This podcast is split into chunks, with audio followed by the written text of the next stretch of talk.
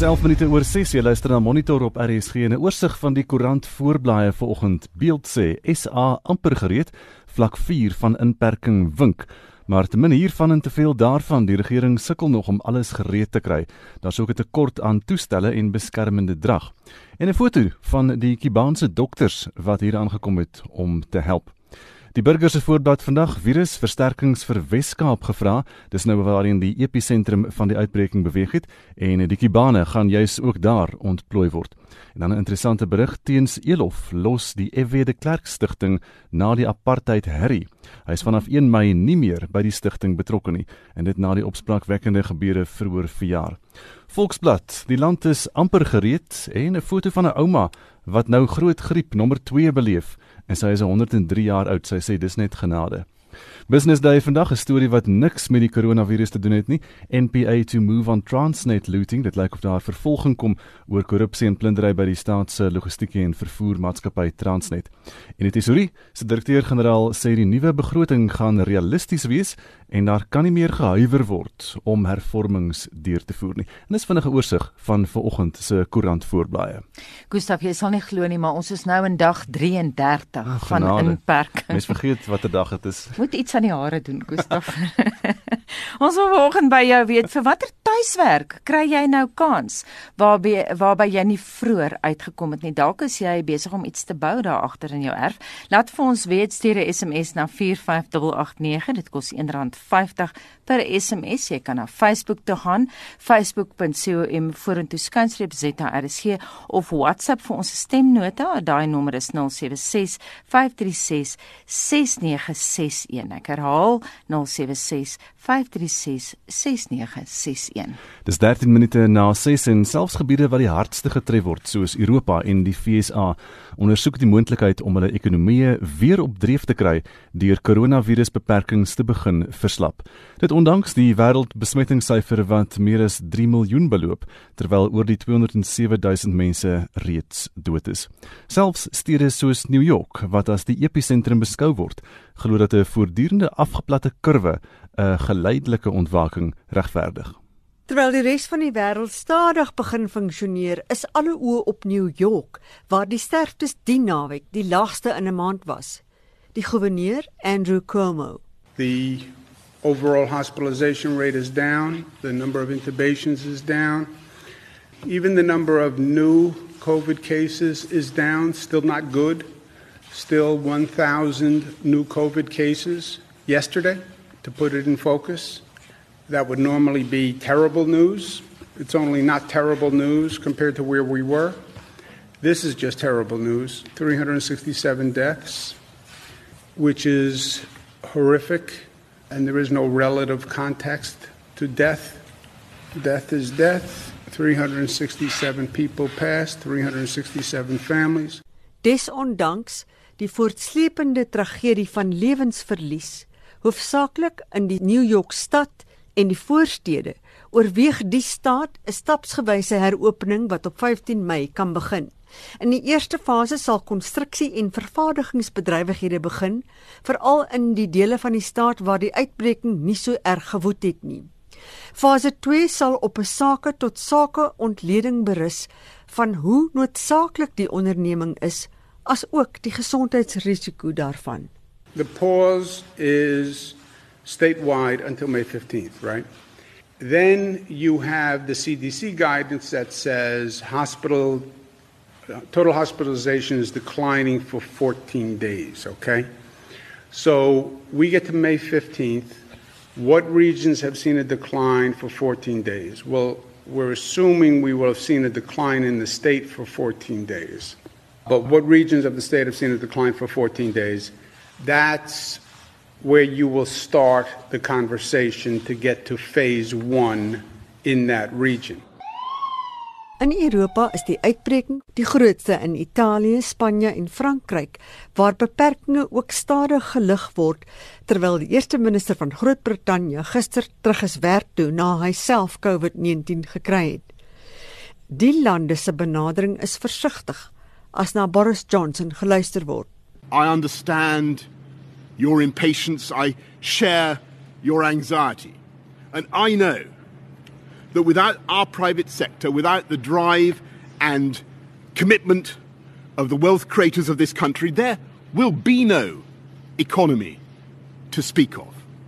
There will be no cash to pay for our public services, no way of funding our NHS. And yes, I can see the long term consequences of lockdown as clearly as anyone. And so, yes, I entirely share your urgency. It's the government's urgency. Skole in die digbevolkste stede van Shanghai en Beijing het vir die eerste keer in 3 maande oopgemaak. Kinders se koers word gereeld gemeet terwyl sosiale afstande tussen studente onder mekaar en onderwysers streng beheer word. 'n Ouer, Charlie. Uh, Generally, I'm happy, not worrying so much. I think the school prepared sufficiently. It had parent meetings in advance. Teachers had detailed plans in place two weeks ago. This is way beyond any parent's expectation, so I'm not concerned about this part. In die getal besmettings sal die infasering stop en kan die bietjie optimisme om ten minste na 'n greintjie van normaliteit terug te keer in die mediumtermyn smoor. Sherwin Bryce Peace het hierdie verslag in New York saamgestel. Mitsi van der Merwe, SAK-nuus. Families wat deur armoede geraak word en op die platteland in die Oos-Kaap woon, wag angstig dat die maatreëls wat deur president Ramaphosa aangekondig is om verligting te bring vir miljoene honger mense daar gestel word. Die afsonderingstydperk het talle families sonder kos en geld gelaat. Esie de Klerk het meer.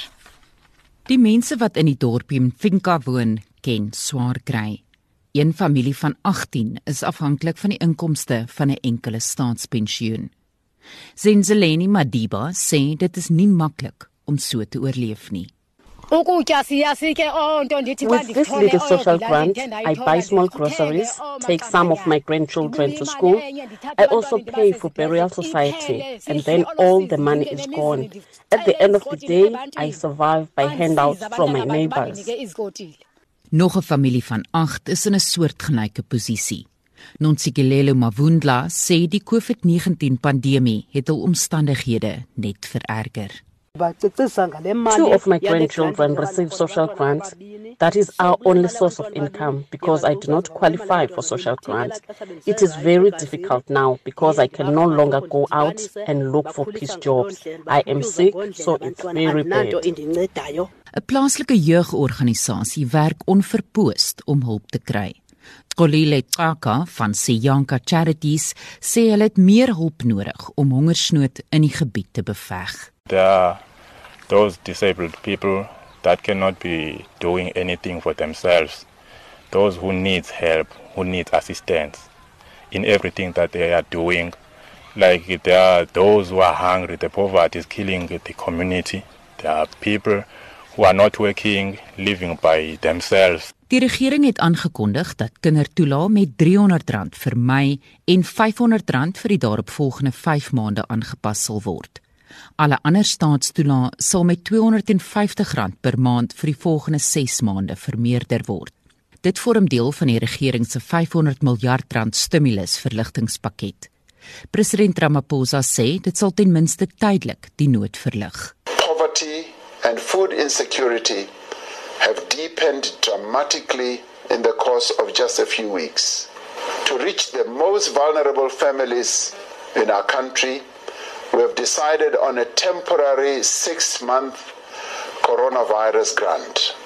We will direct 50 billion rand towards relieving the plight of those who are most desperately affected by the coronavirus. This means that child support grants beneficiaries will receive an extra 300 rand in May and from June to October they will receive an additional 500 rand each month. All other grant beneficiaries will receive an extra 250 rand per month for the next 6 months. Die inwoners hier weet die hulp is net tydelik, maar hulle is steeds dankbaar vir elke bietjie wat kan help. Die verslag is saamgestel deur Nkululeko Nyembezi in die Oos-Kaap en ek is Estie de Klerk vir SAK nuus.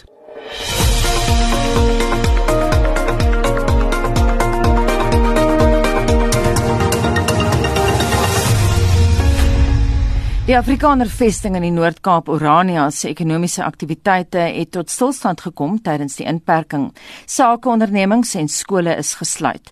Inwoners van die dorp is vir die koronavirus getoets, maar daar is sover geen COVID-19 positiewe gevalle nie. Esie de Klerk het die agtergrond. Orania wat langs die Oranje rivier gelees is bekend as 'n Afrikaner dorp wat ekonomies onafhanklik funksioneer van Suid-Afrika.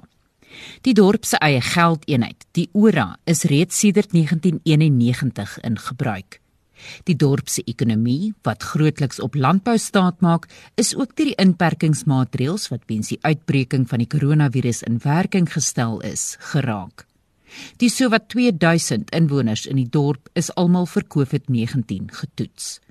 Die hoof van die Orania beweging, Joost Strydom, sê dit is slegs die landbou wat die dorp staande hou. Ons landbousektor is aktief. Hulle is natuurlik uitgesluit onder die Grendelstaat reëls, so hulle kan werk omdat hulle so 'n belangrike rol speel in die kosproduksie vir die hele Suid-Afrika. So ons het seker gemaak ons het genoeg ouens wat in ons landbousektor werk, seker maak dat mense kos het, dat ons kan eet. Dit is ook belangrik vir gesonde mense om gesond te kan eet. So die ekonomie moet aangaan, die mense moet eet en ons doen dit op 'n verantwoordelike, sinvolle manier. Inwoners van die dorp hoop hul ekonomie sal spoedig na die inperking herstel. Hulle sê elkeen speel 'n rol in die bekamping van die verspreiding van die koronavirus. Bid vir Suid-Afrika, ek bid vir die wêreld ook. Dit is een van die grootste uitdagings wat ons tans beleef en deur die genade sal ons dit ook kan oorleef. Ek het 'n belsentrum en ons het omtrent so 55 personeel wat daar werk. So ons werk van ons huise af Ons moes uit die boks uit dink deur 'n uh, cloud-based server op te stel en dit moes alles baie vinnig gebeur het. Beide ons onderrig wat tersiêr betref, sowel as op skoolvlak, kon ons weer kyk na die kwaliteit van onderrig, weer kyk na die leerinhoude en op die ou end van die dag kon ons 'n nuwe stelsel daarstel wat werklik die onderwys standaard lig na 'n nuwe plafon toe, na 'n nuwe vlak toe. Skole en nie noodsaaklike sakeondernemings in die gebied bly vereers gesluit. Hierdie verslag is saamgestel deur Nobilengu Nowapani in die Noord-Kaap en ek is Estie de Klerk vir SAK nuus.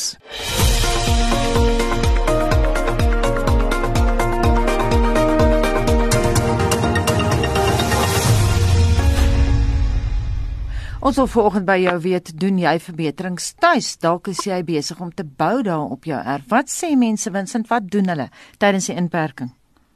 Anita, ek moet sê as 'n enkel man is uh ek weet ek nie veel meer skorregoed kan ek was nie, maar um, hier's 'n uh 'n skrywer hier op ons SMS lyn van Eldri White van Esco KwaZulu-Natal wat sê dag 33. Ek probeer nog uitvind of die lockdown 'n droom is. Wonder wanneer gaan iemand my wakker maak?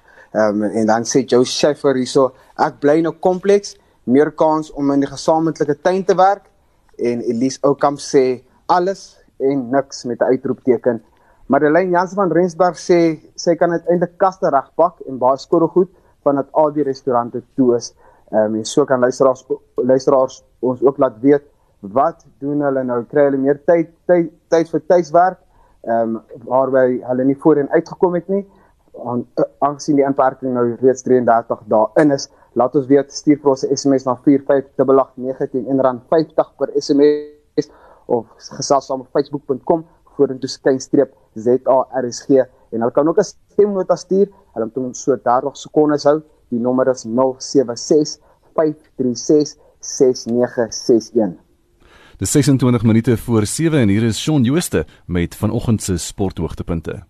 In rugbynuus. Die Bulls het gister aangekondig dat die senter Johnny Kotze besluit het om sy kontrak met die Unie vroeg te beëindig. Volgens berigte in die media word salaris- en loonverlagings in Suid-Afrikaanse rugby geïmplementeer en spelers het 3 weke om te besluit of hulle by verskeie unies wil aansluit of ander moontlikhede wil ondersoek. Volgens Kotse se agente OneSport SA het die senter die Bulls nie verlaat nie, maar onderhandel wel met 'n Japaneese klub. Die ooreenkoms kan topspelers in Suid-Afrika tot 44% van hul loone kos. Spelers het tot die 14de Mei om oor hul toekoms te besin. Kriket. Die voormalige Protea veelsidige speler, Rory Kleinveld, is as bilkonsultant van die universiteitsspan Maties in Stellenbosch aangestel. Kleinveld het sy eerste klas loopbaan vroeër die jaar afgesluit en het 18 jaar lank vir die WP gespeel. Die 37-jarige Kleinveld het ook in 4 toetse, 10 eendag en 6 T20 wedstryde vir die Proteas op die veld uitgestap. Kriket Suid-Afrika het ook intussen aangekondig dat die Proteas in India aan die einde van Augustus hier in Suid-Afrika aan 'n T20 reeks gaan kragte meet. Al word die reeks agter geslote deure gespeel, verwag KSA om so tussen 180 en 195 miljoen rand in te palm. KSA het ook aangekondig dat die reeks in Dubai kan plaasvind indien omstandighede rondom die koronavirus sport in Suid-Afrika onmoontlik maak. En laastens, die Suid-Afrikaanse voetbalvereniging SAFA se uitvoerende personeel het vrywillig ingestem om salarisverlagings van 15% aanvaar om kostes te sny. SAFA het ook aangekondig dat personeel al volle salarisse vir Maart en April sal ontvang. Personeel is aangesê om van die huis af te werk en waar dit nie moontlik is nie, sal jaarlikse verlof van die 4de Mei af intree. Sokker in Suid-Afrika is van die 19de Maart af opgeskort en dit lyk nie of dit binnekort gaan verander nie.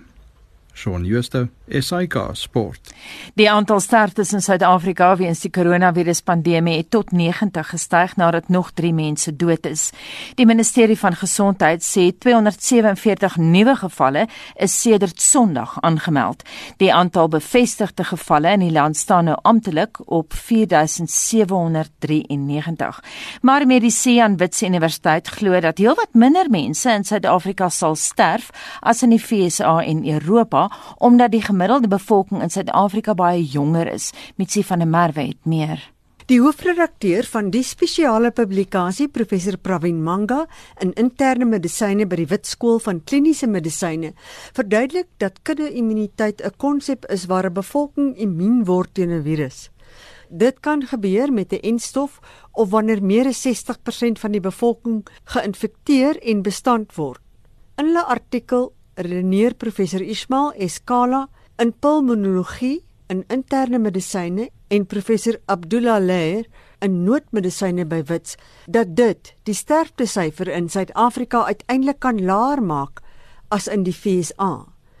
Professor Manga stel hulle argument. The main reason is that we have a much younger population in this country. So if you look at the mortality risk anyone under the age of 50, your, your risk of dying from COVID is less than 1%. And in fact, under 40, it's closer to half a percent. It only screams up once you're over 70 years old, 13 to 15% higher. If you compare to Spain and Italy, our median age, I, I found this interesting, in this country is only 29 years of age. Maar wat beteken dit? Our at-risk population over the age of 60 is only 6%. So we have a fairly small population that which falls into the high risk category. So based on that sort of age thing, they suggest that it doesn't mean we will get less infections, but at least our mortality will be much lower than Western countries. Ander akademici verbonde aan Wits wat bygedra het tot die publikasie is professor Guy Richard betrokke by die COVID-19 sentrum by die Charlotte Mackay Hospitaal wat na die doeltreffendheid van die middel chloroquine in behandeling gekyk het. Die hoof van die Wits Mediese Skool, professor Dina Ballet, het geskryf oor die COVID-19 gereedheid by geboortes, terwyl professor Laurel Baldwin Ruggewen die sosiale dimensies van COVID-19 in die land bespreek. Professor Charles Veldman het geskryf oor die moontlike uitwerking van die SARS-CoV-2 besmetting in HIV-positiewe pasiënte. Die direkteur en bioetikus by die Steve Biko sentrum, professor Kevin Beerens, het die etiese uitdaging van die COVID-19 uitbreking hanteer. Manga noem 'n gevalle studie hieroor in die FSA. There was a doctor at Harvard in fact who got admitted and in fact one of the first things he he said was the ICU asked him, "Do you want to be ventilated if the need arises?" So they had already involved the patient in that decision-making process. The outcome once you go on a ventilator is quite poor generally. And three out of four die essentially. So sometimes you need to involve the patient earlier. And then what do you do? The other big story, and in South Africa we haven't hit that mark yet, but it may come, is that we have fairly limited public health resources. And what we're going to do if there's a sudden surge of patients needing ICU care. Banga meen dit is belangrike besluite waaroor besin moet word voordat omstandighede so ontwikkel dat dit toegepas moet word. Do we triage? Who do we triage? Who makes those decisions? Those all need to be discussed at, I would say, at individual hospital levels and certainly in the ICU. Sometimes they need to be involved in the decision making process in ICU care as well. Professor Pravin Manga is die hoofredakteur van die spesiale publikasie oor COVID-19 data by die Universiteit van die Witwatersrand. Mitsi van der Merwe, SAK-nuus. En ons bly by die onderwerp en ons praat nou met Dr Kloete van Vieren en hy is 'n infeksie siektes spesialis verbonde aan Driemil Hospitaal in Bloemfontein. Goeiemôre Kloete. Oranita. Jy het nou na die vorige bydrae geluister. Is daar iets waarmee jy saamstem? Ja, ek dink ons almal baie dankbaar wees as dit nie so erg is as wat aanvanklik voorspel nie. En ek dink die die hele konteks hiervan is ook is daar's 'n veel fout van faktore wat 'n rol speel, net soos die ouderdoms populasie waar ons baie meer 'n piramide struktuur het as wat hierdie vertikale struktuur wat in Italië waar hulle baie ou mense het byvoorbeeld dit gaan oor mobiliteit dit gaan oor bevolkingsdigtheid dit uh, al al hierdie goed speel 'n rol. Uh en mens sal dit moet in ag neem en, en te kyk wat gaan verder hier gebeur, maar dit sal baie interessant wees. Is dit 'n ding wat kan verskil van land tot land want in Parys sterf daar twee keer meer mense per dag as gewoonlik. In New York se sterftesyfer is 4 keer normaal. Ecuador is daar 7600 meer sterftes as oor dieselfde tydperk die afgelope 3 jaar. Uh, so tydens 'n pandemie soos hierdie is dit seker ook nie moontlik dat die ware sterftesyfer so vinnig geweerspieël word nie. Ek dink dit is presies die punt, nee. Al wat lees en beef maak met YouTube video's oor soveel mense gaan aan griep dood en mm. hierdie ding is net dieselfde as griep. Maar waar kom hierdie griep sterftesyfers vandaan? Hulle toets tog nie die mense nie. So wat gebeur is, daar word baie noukeurig statistiek gehou van sterftes per week in elke land. En as jy hierdie grafieke elke jaar op mekaar sit, dan val hierdie lyn baie mooi elke jaar presies dieselfde. Sekere hoeveelheid sterftes in die somer, winter begin dan neem die sterftes 'n bietjie toe en daai toename in sterftes word dan aan griep toegeskryf en dan bereken hulle daarvolgens hoeveel mense sterf van griep. En as mens met COVID-19 dieselfde gaan doen, as jy nou appels met appels wil vergelyk, dan is die prentjie totaal anders. Onthou nou wat wat nou aangemeld word is nie die wat getoets word en wat ons weet wat sterf. Maar soos jy nou gesê het in New York, as jy week na week sterftes gaan kyk vir Maart, vir die laaste 2 weke van Maart en April, dan is daar 20900 meer sterftes as wat verwag is. Ehm um, maar omdat hulle stelsel baie goed is, is dit maar net 4200 meer sterftes as wat vir COVID-19 aangemeld is. En lande gaan kyk met 'n baie swakker uh, gesondheidstelsel en dataversameling. Dan uh, byvoorbeeld Ecuador waar daar selfde tyd 7600 ekstra sterftes in daai 2 weke was, is net 503 COVID sterftes aangemeld. So jy kan sien hoe dit heeltemal die prentjie skeef trek en as jy dan dan uh hierdie goed in ag neem. Ehm um, en op dieselfde manier die COVID-19 sterftes uitwerk as jy met griep doen. Dan is daar ordes meer sterftes uh wat jy kan kan aan COVID-19 toeskryf en dan lyk die prentjie baie erger en dan gee dit mense eintlik 'n bietjie meer perspektief. Waaroor as ek in aanhalingstekens kan sê hierdie hysterie oor die COVID-19 gaan. Dit is nie net dieselfde as griep nie en die data is baie duidelik, maar ons fokus so ons is so gefikseerd op hierdie drie gevalle hier en twee sterftes daar en dan sê waaroor gaan die boei? Hmm. Ehm um, en dan vergelyk hulle met griep, maar griep kyk ons heeltemal op 'n ander manier na die data en jy kan die twee nie met mekaar vergelyk as jy dit so doen. Net daarvan gepraat in ons vorige onderhoud het jy aan ons gesê dat uh, dit sou vir jou interessant wees om te sien of die aantal griepsterftes wel afneem hierdie jaar omdat mense ander higieniese gewoontes aangeleer het. Ja, nee, ek weet ons het mos nou gesê dat die griep steek maar presies dieselfde as die COVID-19 anders druppelverspreiding. Dit gaan oor hande was, dit gaan oor sosiale afstand handhaaf. Ehm um, wat ons nooit baie sterk doen, wel, ek dink nie iemand doen dit ooit uh, met die griep epidemie nie en die toe dusver was altyd die die uh, hoeveelheid mense wat hulle laat inent teen griep maar, maar relatief laag geweest. So ek kan dink dit presies hierdie selfde maatreëls wat vir die COVID-19 werk vir griep ook gaan werk en daar behoort 'n afname te wees in die aantal griepgevalle as dit so is. Nou mediese kundiges werk op grond van sekere modelle om uh, voorsiening te maak vir wat kan voorlê. Was julle modelle sover akkuraat geweest of steek al waarheid in wat iemand gister hier by ons ook gesê het dat daar dat hulle probeer 'n muggie met 'n 10 pond hamer dood te slaan? Ja, ek dink jy nou nie my by die hele insluit nie wat ek van wiskunde al weet, ek kan skaars my graad 10 seun help met sy wiskunde. Ehm um, maar ons sit met al hierdie modelle wat voorspellings maak. Ehm um, en met modelle maak jy sekere aannames. En en daar's so baie aannames wat jy moet maak in hierdie modelle dat jy as jy iewers 'n bietjie uit is dan verander die syfers geweldig baie. Ek dink waar ten diepste jou vraag eintlik neerkom. Ehm um, is hier nie een of ander uh samesweringsteorie aan die gang om ons ekonomie te verwoes of om 'n bevolking onder beheer te kry. En ek dink dan moet mens gaan kyk na 'n land soos Amerika. Amerika het nie ooghare vir die wêreldgesondheidsorganisasie. Die hele Amerika is afgegrendel en hulle ekonomie uh, miljoene uh, uh, toename in hulle werkloosheidssyfer. Ehm um, Duitsland, Duitsland het baie meer sal ons sê sosiale aanslag op hulle samelewing het, baie sterk ekonomiese, baie goeie wetenskaplike onderbou. Hulle het hierdie afgrendeling ehm um, afgekondig en geïmplementeer. Volkswagen se grootste fabriek met oor die 6000 werkers het die 23ste Maart toegemaak. Hulle gaan hierdie week begin oopmaak met 'n derde van hulle werksmag en dit stadig implementeer en kyk of hulle die die ding in die gang kan kry. 'n Land soos Rusland wat uh, ek nie kan indink dat of die wêreldgesondheidsorganisasie hulle sal voorskryf of die wes hulle sal manipuleer nie. Het afgegrendel. So as almal hierdie drakoniese maatreëls in plek stel en Airbus moontlik bankrot gaan gaan. Uh ek het 'n uh, aangetroude familie uh in Nieu-Seeland wat vir Air New Zealand uh 'n vlieënier is wat nou sy werk verloor.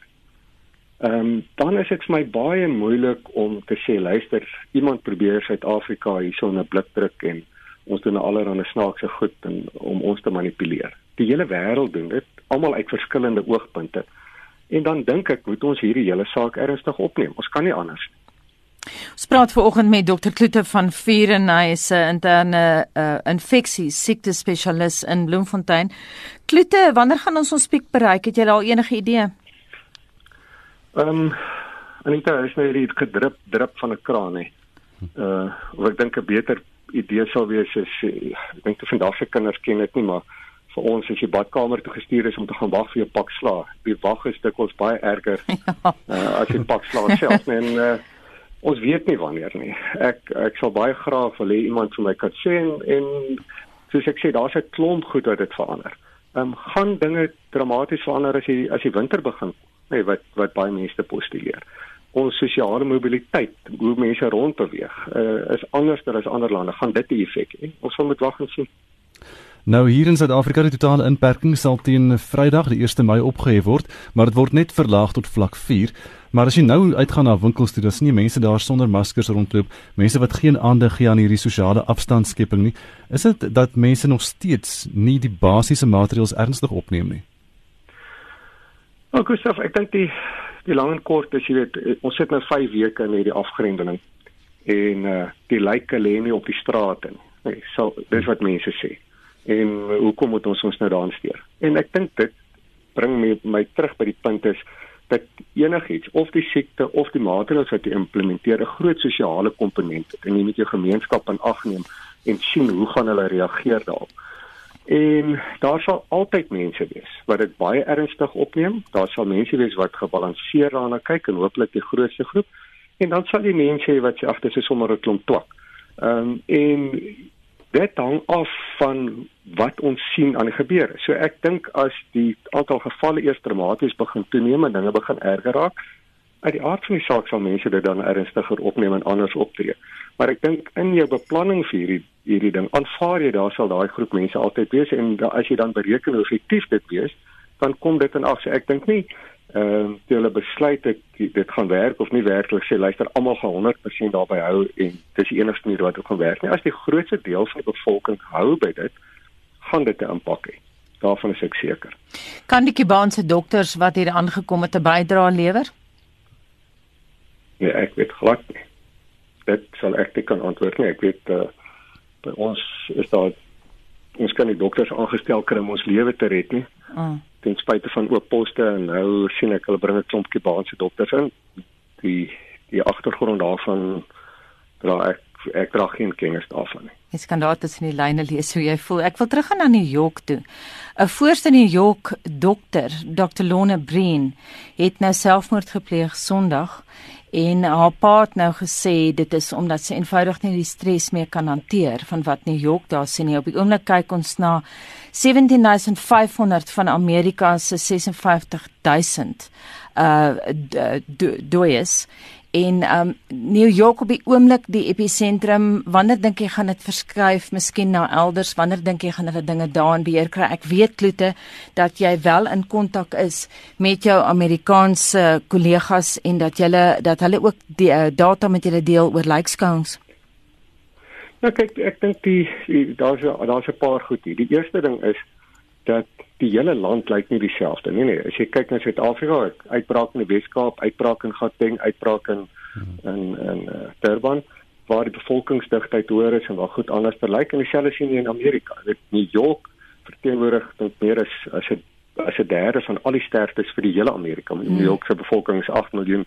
Amerika se bevolking is 330 miljoen en dan en dan hierdie massiewe uitbraak in New York vir 'n klomp redes dan jy in in Houston daar klomp en in Kalifornië en dan die res van die land is dit so hier en daar en en is bietjie versprei en dit wys jy net hoe die samelewing lyk nie oral presies dieselfde nie. So ek dink dis die een ding. Die tweede ding is daar is 'n groot emosionele impak. En ek dink nie mense moet net na na dokters kyk nie. Mense moet na die hele samelewing kyk, na hierdie hierdie ehm um, wat sal mense nou hierdie afwagtingsspanning. Uh ons sit en wag en dit gebeur nie en dit gebeur nie dit maak mense sielkundig moeg. Uh terwyl jy sit en wag vir hierdie ding om te gebeur, sien jy hoe jou hele lewe vernietig word, jou besigheid waarin jy wat jy opgebou het of die werk waarin jy moet teruggaan wat jy waarskynlik nie sal kan terugneem nie. Ehm um, en dit skep 'n 'n totale gemeenskaps uh effek wat ek dink baie groter is as wat ons ooit kan dink. Ehm um, en en dit sal mens met in ag neem as jy besluit hoe hanteer jy hierdie ding en watter maatreëls uh, stel jy in plek.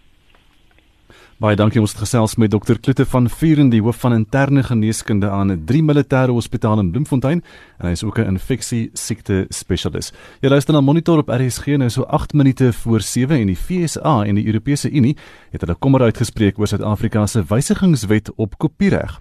'n drukgroep die Kopiereg Koalisie van Suid-Afrika waarsku dat dit veral uitgewers van handboeke en ander opvoedkundige materiaal gaan raak. Annelie Jansen van Vuren berig. Die Kopiereg Koalisie van Suid-Afrika, oftewel CCSA, sê weens die omstrede wetgewing dreig oorsese lande om hul beleggings uit die plaaslike rolprent, musiek en uitgewersbedrywe te onttrek. Ten spyte van vel kritiek, het die wysigingswetsontwerp ook goeie punte. So sê die departementshoof van kommersiële reg by die Universiteit van Auckland, Nieu-Seeland, professor Tana Pistorius. Pistorius, ook verbonde aan Unisa se leerstoel vir intellektuele eiendomsreg, hou die verwikkelinge van die voorgestelde kopieregwetgewing fyn dop, asook die reaksie wat dit onlangs by die EU se ambassadeur in Suid-Afrika ontlok het die brief van die ambassadeur dat sy eerstens sê dat die Europese Unie baie bly is dat Suid-Afrika uiteindelik sy wetgewing gaan opdateer. Ons wet op outeursreg is die laaste keer in 2002 gewysig. Dit beteken dat alle tegnologiese ontwikkeling sedert daai datum nog nie werklik gereflekteer word in die wet op outeursreg nie. Dit beteken dat ons outeursreg eienaars en ons outeurs werklik skade ly in terme van tantieme wat hulle kan verdien op aanlyn eksploitering van hulle werke. Wat werklik pla is die feit dat daar 'n gebrek is aan logika en integrasie in die wysigingswetsontwerp. Tweedens is dit 'n probleem dat Suid-Afrika nou 'n wyd omskryfde billike gebruikbepaling aanvaar het soos wat gebruik word in die FSA, tesame met 'n uitgebreide lys van uitsluitings. Met ander woorde, bepaling waar outeursreg beskerming nie sal geld nie en waar sekere handelinge deur gebruikers toegelaat word. Die drukgroep CCSA wat plaaslik die wysigingswetsontwerp teenstaan, bestaan onder meer uit akademiese en nie-fiksie auteurs, boek- en musiekuitgewers, platemaatskappye en rolprentmakers. Hul klagtes hou meestal verband met die algemene billike gebruiksbepaling van die wet. Pastorius plaas dit in perspektief. Dit sê benewens die spesifieke goedgekeurde billike gebruike kan 'n werk gebruik word vir byvoorbeeld navorsing, kritiek of hersiening, verslagdoening, onderrig ensovoorts met die verstandhouding dat die gebruik van die werk billik sal wees. Om te bepaal of 'n werk billik gebruik is, sal tersaaklike faktore in ag geneem word en dit sluit in, maar is nie beperk nie tot die aard van die betrokke werk, die hoeveelheid en die substansie van wat geraak word deur die gebruik van die werk of die gebruik van die werk 'n ander doel dien as dit waarvoor die werk geskep is of die gebruik van 'n kommersiële of nie kommersiële aard is en die impak van die gebruik op die potensiële mark vir die werk. Volgens CCSA sal die bepaling Suid-Afrikaners die reg gee om boeke, musiek en films gratis te kopieer. Bestorie sê dit is wel 'n skuiwergat in die wet Klausule 12D4 bepaal dat die reproduksie van 'n handboek toelaatbaar is indien 'n spesifieke uitgawe van daardie handboek nie in Suid-Afrika te koop is nie of dit nie teen 'n billike prys verkry kan word wat normaalweg in Suid-Afrika vir vergelykbare werke gehef word nie. Vir my is dit onseker hoe die prys vir vergelykbare werke bepaal moet word en indien 'n mens selfs kan bepaal wat is vergelykbare werke. Tweedens in gevolge klausule 12D2 word dit beskou as billike gebruik indien opvoedkundige instellings kopieë van werke beskikbaar stel aan studente in virtuele leeromgewings solank die werke slegs toeganklik is vir ingeskrewe studente. Bestorie sê die klousule bepaal ook dat onderwysinstellings boeke en tydskrifte in hul kursuspakkette kan insluit sonder die outeur se toestemming en gratis aan studente beskikbaar kan maak. Indien hulle voel dat 'n publikasie se lisensievoorwaardes onredelik is. Maar wie gaan besluit of dit onredelik is?